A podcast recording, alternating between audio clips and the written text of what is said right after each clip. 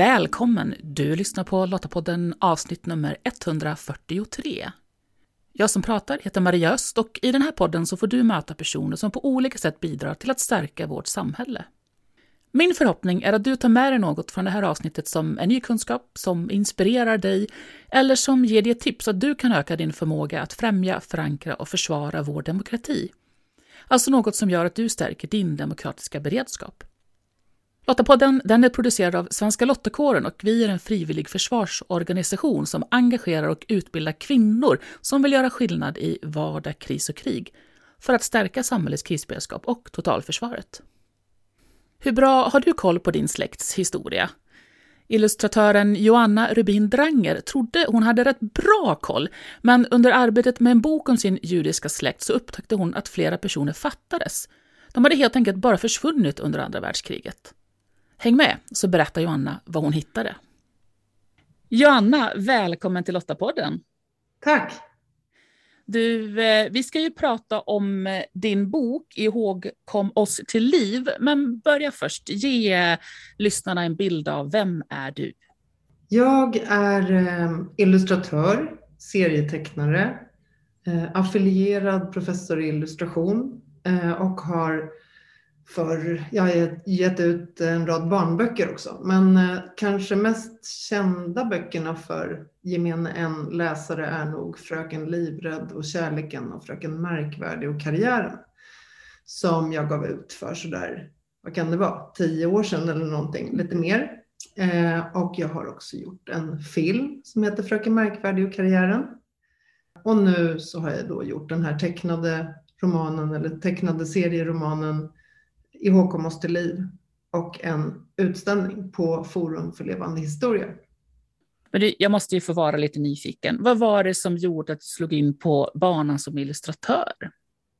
Alltså jag har ju tyckt om sen jag var liten att när jag gick i lågstadiet så var det bästa jag visste det var när man fick sitta och rita medan fröken läste. Det berättar jag faktiskt också om i, i min senaste bok.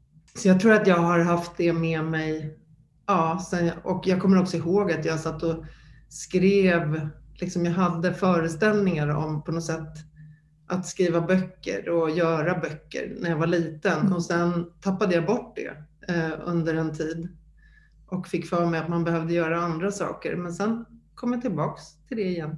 Min första bok som jag gav ut faktiskt, det var en bok för alla åldrar men som gavs ut på ett barnboksförlag och som hette Arg. 90-talets argaste bok. Och då var jag bara 19 år. Eh, men sen tycker jag nog att det är precis det som jag har, det som jag gjorde i den boken, det är det som jag har gjort sen också i livet. Det vill säga att eh, ägna mig åt ett ämne som jag själv tycker är komplext och lite svårt och något som jag behöver tänka mycket på eller försöka förstå. Och sen gestalta det i bild och ord. Och nu då, eh, ihågkom oss till liv. Berätta, vad handlar den om? För det är också ett ämne som inte är helt lätt att tackla. Ja, verkligen. Och den är annorlunda än mina tidigare böcker för att den är en dokumentärroman som också berättar mycket om Sveriges och Europas eh, historia och världshändelser och så. Så att eh, där har det ju också varit väldigt viktigt att både det här att liksom gestalta i bild och ord så att andra Eh, kan känna empati och bli berörda och bli upprörda och glada och ledsna och så, som i de tidigare böckerna. Men också att det ska vara liksom, eh, att allting behöver vara rätt och stämma. Eh, och den här kombinationen är det också som jag vill att uppnå, att boken liksom både är berörande, en berörande berättelse som man dras in i och vill läsa vidare om och så, känner saker kring, men att man också får reda på en massa saker som man mm. kanske inte har haft så bra koll på eller känt till alls. För att det är också mycket, mycket av det som jag berättar som ju inte heller har varit känt alltid, liksom, utan det, mm. det har ju skrivits mycket, kommit mycket ny information eller omformulerat saker de senaste 10-15 åren som jag då har kunnat få med i boken fast på ett, att det är invävt i en berättelse. För det handlar om din familj. Ja, det, det började ju så att jag, att jag tänkte att jag skulle göra en tecknad bok av min judiska släkt som jag har vetat ganska mycket om. Eh, och vi har haft en hel del material om släkten och så eh, i form av intervjuer och mm. till och med en bok som en svensk folklivsforskare har skrivit.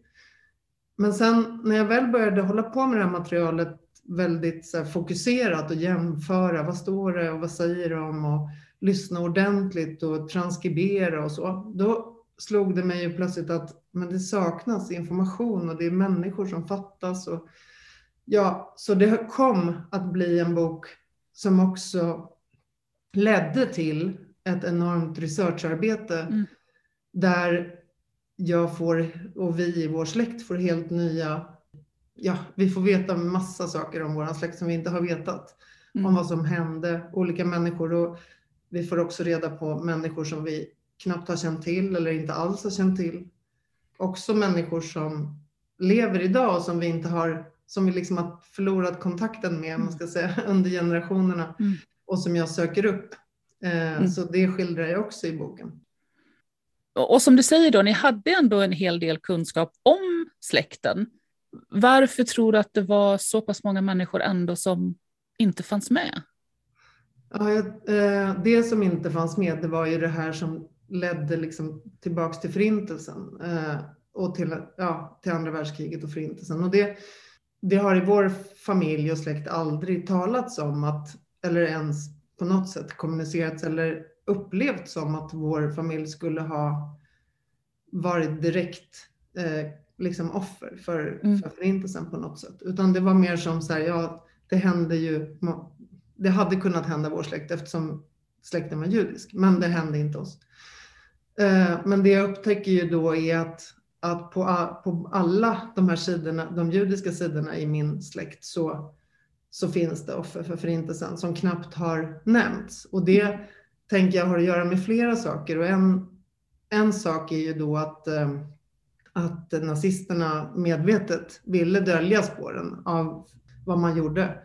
Så därför så ägnade sig ju till exempel min morfar och hans bror i många år efter kriget, under kriget och sen efter kriget åt att försöka hitta information om vad som hade hänt deras familjer. Eh, information som man aldrig kunde, man fick aldrig några svar, några mm. klara svar. Eh, så det, det, här har verkligen varit ett detektivarbete, eh, att leta upp all den här informationen som jag har eh, lyckats få tag i, som jag också gestaltar då i, i boken om så här, hur det, ja men också hur jag liksom blir drabbad av allt det här som jag hittade, hittar. Mm. Att jag blir så chockerad över att, jag, att vi inte har vetat om det och att jag också börjar undra, så här, men hur har jag inte kunnat undra över de här sakerna förut och sådär. Men det vävs sen ihop i boken med eh, skildringar och gestaltningar av mitt familjeliv idag, som, där mina barn kommer och visar saker på sina iPads och blir arga för att det inte finns några äpplen. Och, ja, det är inte alls bara en bok som eh, handlar om förintelsen, verkligen, verkligen inte, utan den gestaltar väldigt mycket mer. Det är sex berättelser som alla vävs in i varandra, som ju på något plan skildrar liksom 120 år mm. i Sverige och Europa. Så det, det är en väldigt stor bok. Men det som jag är jätteglad över just nu, det är ju att jag under arbetet med den här boken så, så kände jag hela tiden så här att jag tyckte att det var så berörande och drabbande det som jag läste om. Inte bara om min egen släkt utan också om vad som hände i Sverige och i Europa. Och, och att det var så mycket jag inte visste om, fast jag mm. tyckte mm. att jag var påläst. Mm. Och så har jag samtidigt som jag har suttit och jobbat med den här boken i, i fyra år då, nästan, eh, känt att det var så angeläget. För att det är också så mycket som påminner om vår egen tid och som mm. drar trådar in i vår egen tid på ett mm. väldigt tydligt sätt. Eh, men har... Vad tänker du på då?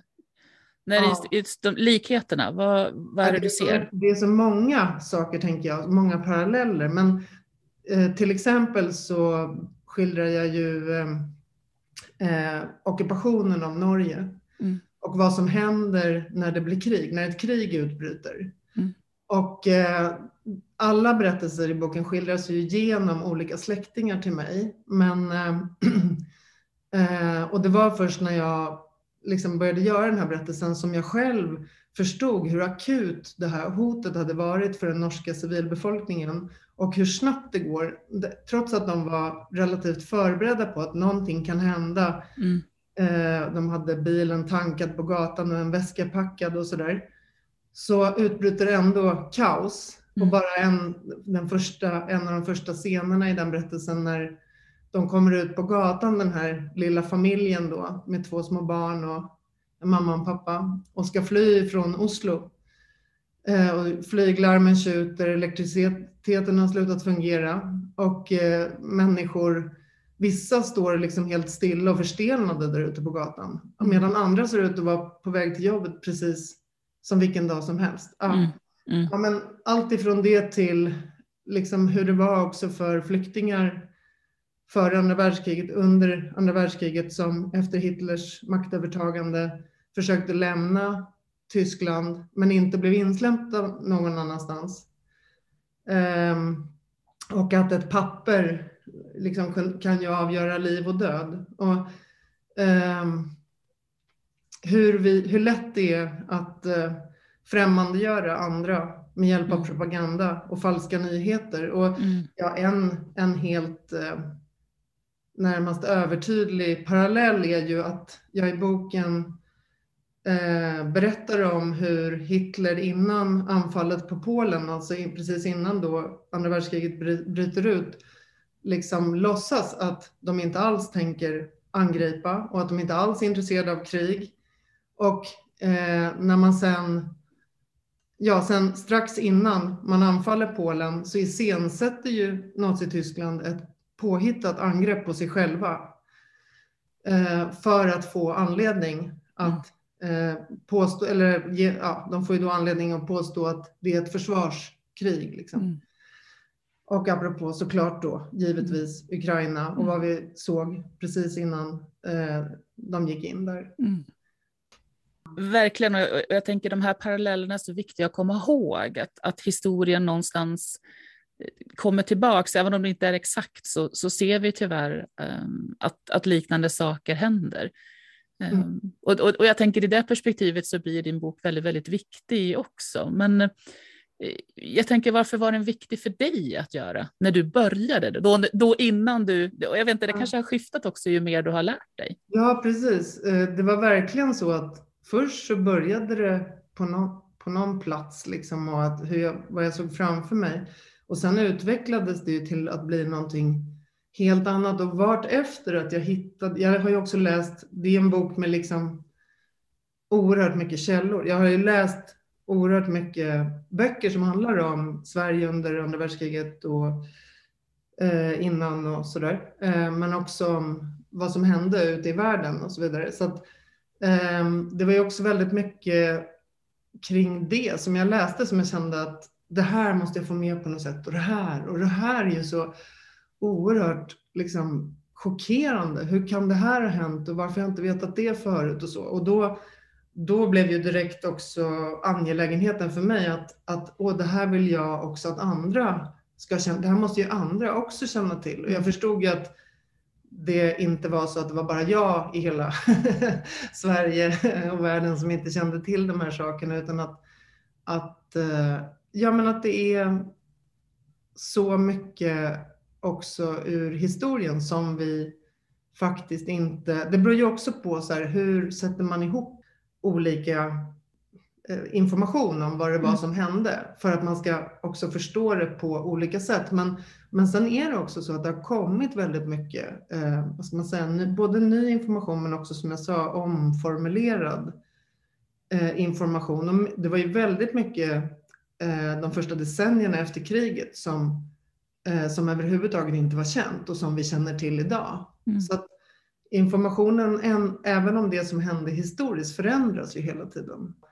Och jag har ju fått väldigt mycket reaktioner nu när boken är ute på just att många tycker att de har lärt sig mycket också. In, liksom att det är berörande på vissa, på att, att, den har, att boken har flera lager och det hoppas jag verkligen att, att den har.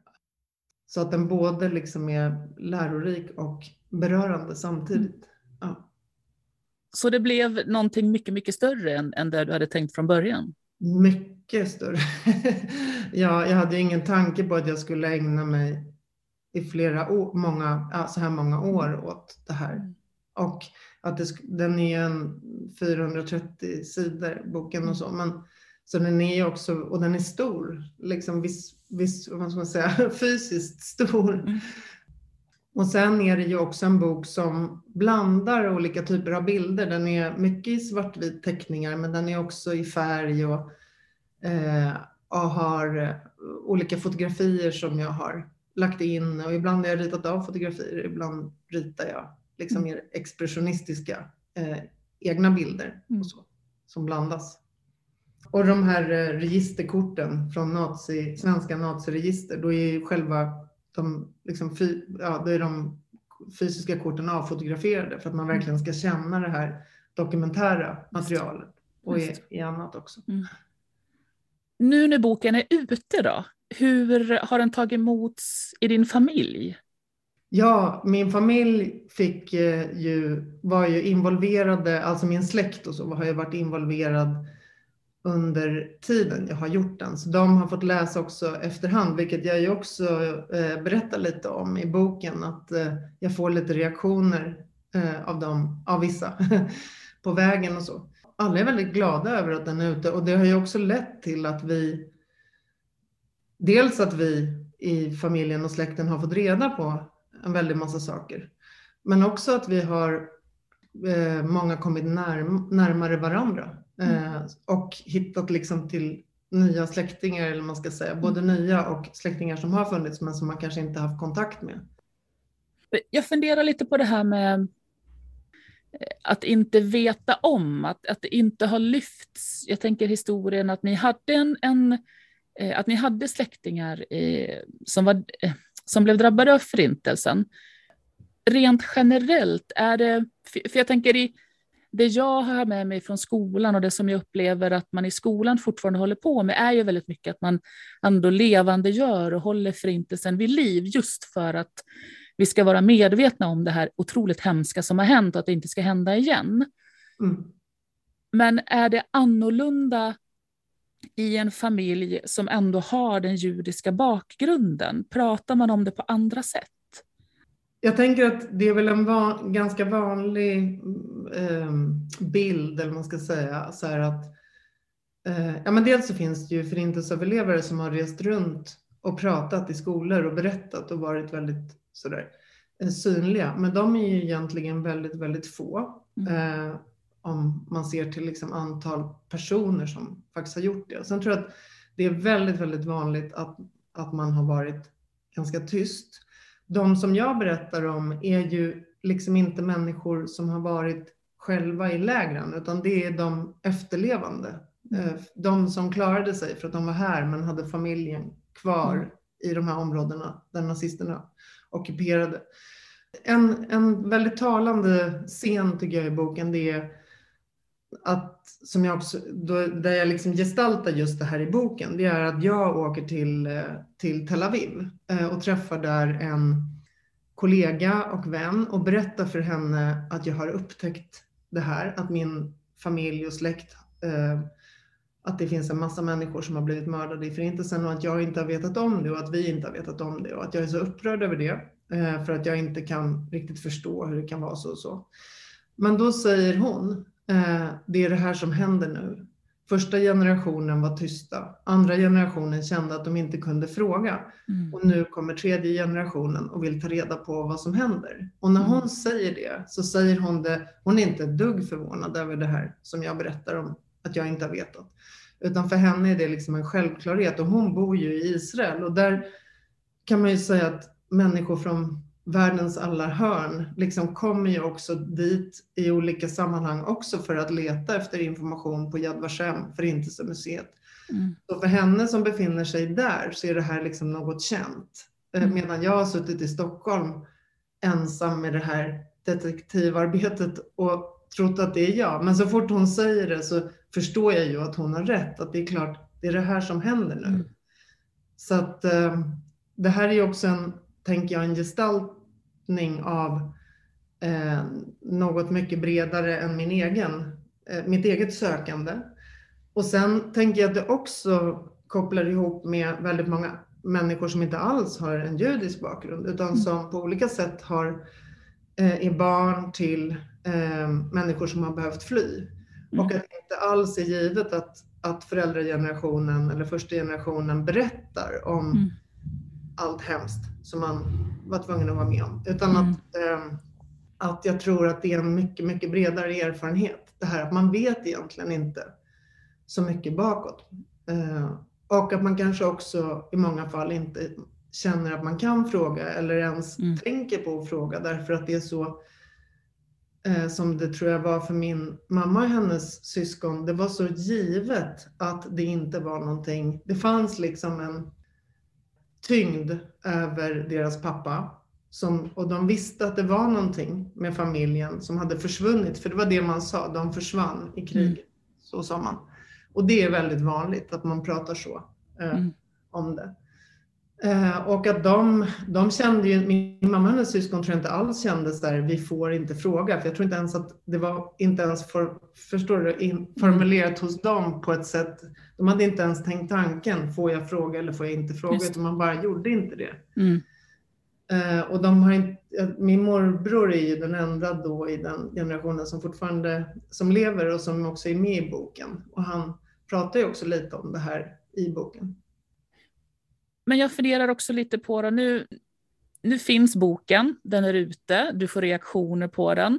Men vad, vad önskar du att den ska leda till hos den som läser?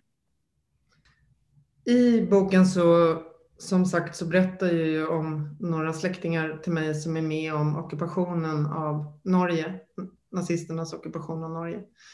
Och innan det händer så har mannen i den familjen, David Abrahamsen, som är läkare, han har satt sig ner efter Hitlers maktövertagande i Tyskland och skrivit en bok till sina, eh, till sina landsmän i Norge, icke-judiska landsmän i Norge, där han som heter Jag är jude, där han försöker förklara, eller vad ska man säga, förmedla att antisemitismen och rasismen är vanföreställningar. Vi är bara precis som ni. Eh, det är ingen skillnad. Och eh, den här boken läste jag då också när jag gjorde den där berättelsen och jag blev väldigt berörd och tagen av den för att jag känner att jag delar också en sån önskan med honom. Liksom att lyckas förklara, att lyckas genom det man gör få andra att också känna det, liksom, för både förstå men också känna så här, ja, vi är alla samma. Mm. Vi är inte olika och de är inte de andra och sådär. Mm. Så jag hoppas ju att boken också ska nå ut till, även till de som inte har reflekterat så mycket över antisemitismen och rasismens eh, uttryck och eh, vad det kan leda till och sådär. Men jag fick frågan från någon journalist eh, som jag träffade, den första journalisten jag träffade när boken hade kommit ut. Vem vill du ska läsa den här boken? Om du får säga en person. och då kunde jag inte svara på det just för att min, min förhoppning är och har hela tiden varit att boken ska nå ut väldigt brett. Men jag tänkte också på en sak som jag glömde att säga förut om det här med varför man i en familj inte pratar om eh, förintelsen eller om andra folkmord som ens släkt eller familj har drabbats av eller, eller andra trauman. Och det hänger ju ihop med också, tycker jag, en helt naturlig eh, instinkt att man vill skydda sina barn. Mm. Att man inte vill ge sina barn en väldigt mörk bild av världen. Mm. Och att världen är hotfull på mm. ett sätt som ju är eh, oerhört skrämmande om man verkligen sätter sig in i vad, vad det som har skett, eh, mm. både under Förintelsen och andra eh, folkmord och andra i krig och så vidare, så är det ju väldigt, väldigt skrämmande. Så att jag tänker att det också, jag vill ju också skydda mina barn. Och jag tänker att så länge man är ett liksom, litet barn så måste man inte veta mm. allt det där, utan det kan man ta, få reda på när man har en fullt utvecklad hjärna och så vidare. Mm. Där man kan bearbeta eh, all typ av information och så. Och så har ju då boken även blivit en utställning. Ja, en liten del av den sista, eller snarare en, en, den sista berättelsen i boken som heter Familjen som försvann och som just handlar om då min morfars familj. Eh, den har blivit en, en utställning på Forum för levande historia i Gamla stan. Eh, och där har jag ju fått liksom korta ner berättelsen, men den har också fått ta mer plats visuellt. Mm. Så att det, det är en väldigt, tycker jag, fin, eh, ett fint komplement till, till boken. Som ju också, boken rymmer ju också så oerhört mycket, medan den här eh, berättelsen blir en mer begränsad mm. historia som man kan ta till sig just i utställningsform. Joanna, tack så jättemycket för att du ville vara med i Lottapodden och berätta om din bok. Och det känns verkligen eh, extra viktigt just nu eh, med tanke på kriget i Ukraina att, att också få en historisk spegling. Tack. Ja, visst är det spännande vad som kan gömmas i historien. Och så viktigt att förstå det förflutna för att kunna förstå nutiden och varför vi som individer eller samhällen gör som vi gör. Och inte minst är det såklart viktigt att komma ihåg så att vi kan dra lärdom och förhoppningsvis göra bättre. Lästips relaterat till det vi samtalat om i det här avsnittet det hittar du på lottapodden.se. Och om du, precis som Svenska Lottakåren, tycker att fred, demokrati och mänskliga rättigheter är värda att försvara och du vill vara med och göra skillnad för vårt samhälles krisberedskap och totalförsvar, ja, men då ska du gå till svenskalottakåren.se där hittar du information om hur just du kan göra skillnad. Nästa avsnitt av Lottapodden kan du lyssna på om två veckor den 12 maj. Och då möter du författaren Anna Larsdotter som har skrivit boken Glömda soldater. Det är en bok där jag fokuserar på andra världskriget. I den förra boken så tog jag ett väldigt långt tidsperspektiv, men nu vill jag liksom fokusera mig på de här sju åren som är så oerhört definierande för eh, fortfarande för vår tid. Och där jag tycker att just eh, det finns otroligt mycket skrivet om den perioden naturligtvis, kilometervis med, med böcker, men inte speciellt mycket egentligen om kvinnornas roll och speciellt inte på svenska. Så det var det jag ville liksom eh, lyfta fram och se vad gjorde de egentligen under det här kriget. Så om du inte redan gör det, prenumerera på Lottapodden så du får nästa avsnitt i din poddspelare direkt när det släpps. Du hittar podden bland annat i Apple Podcast, Podbean eller på Spotify.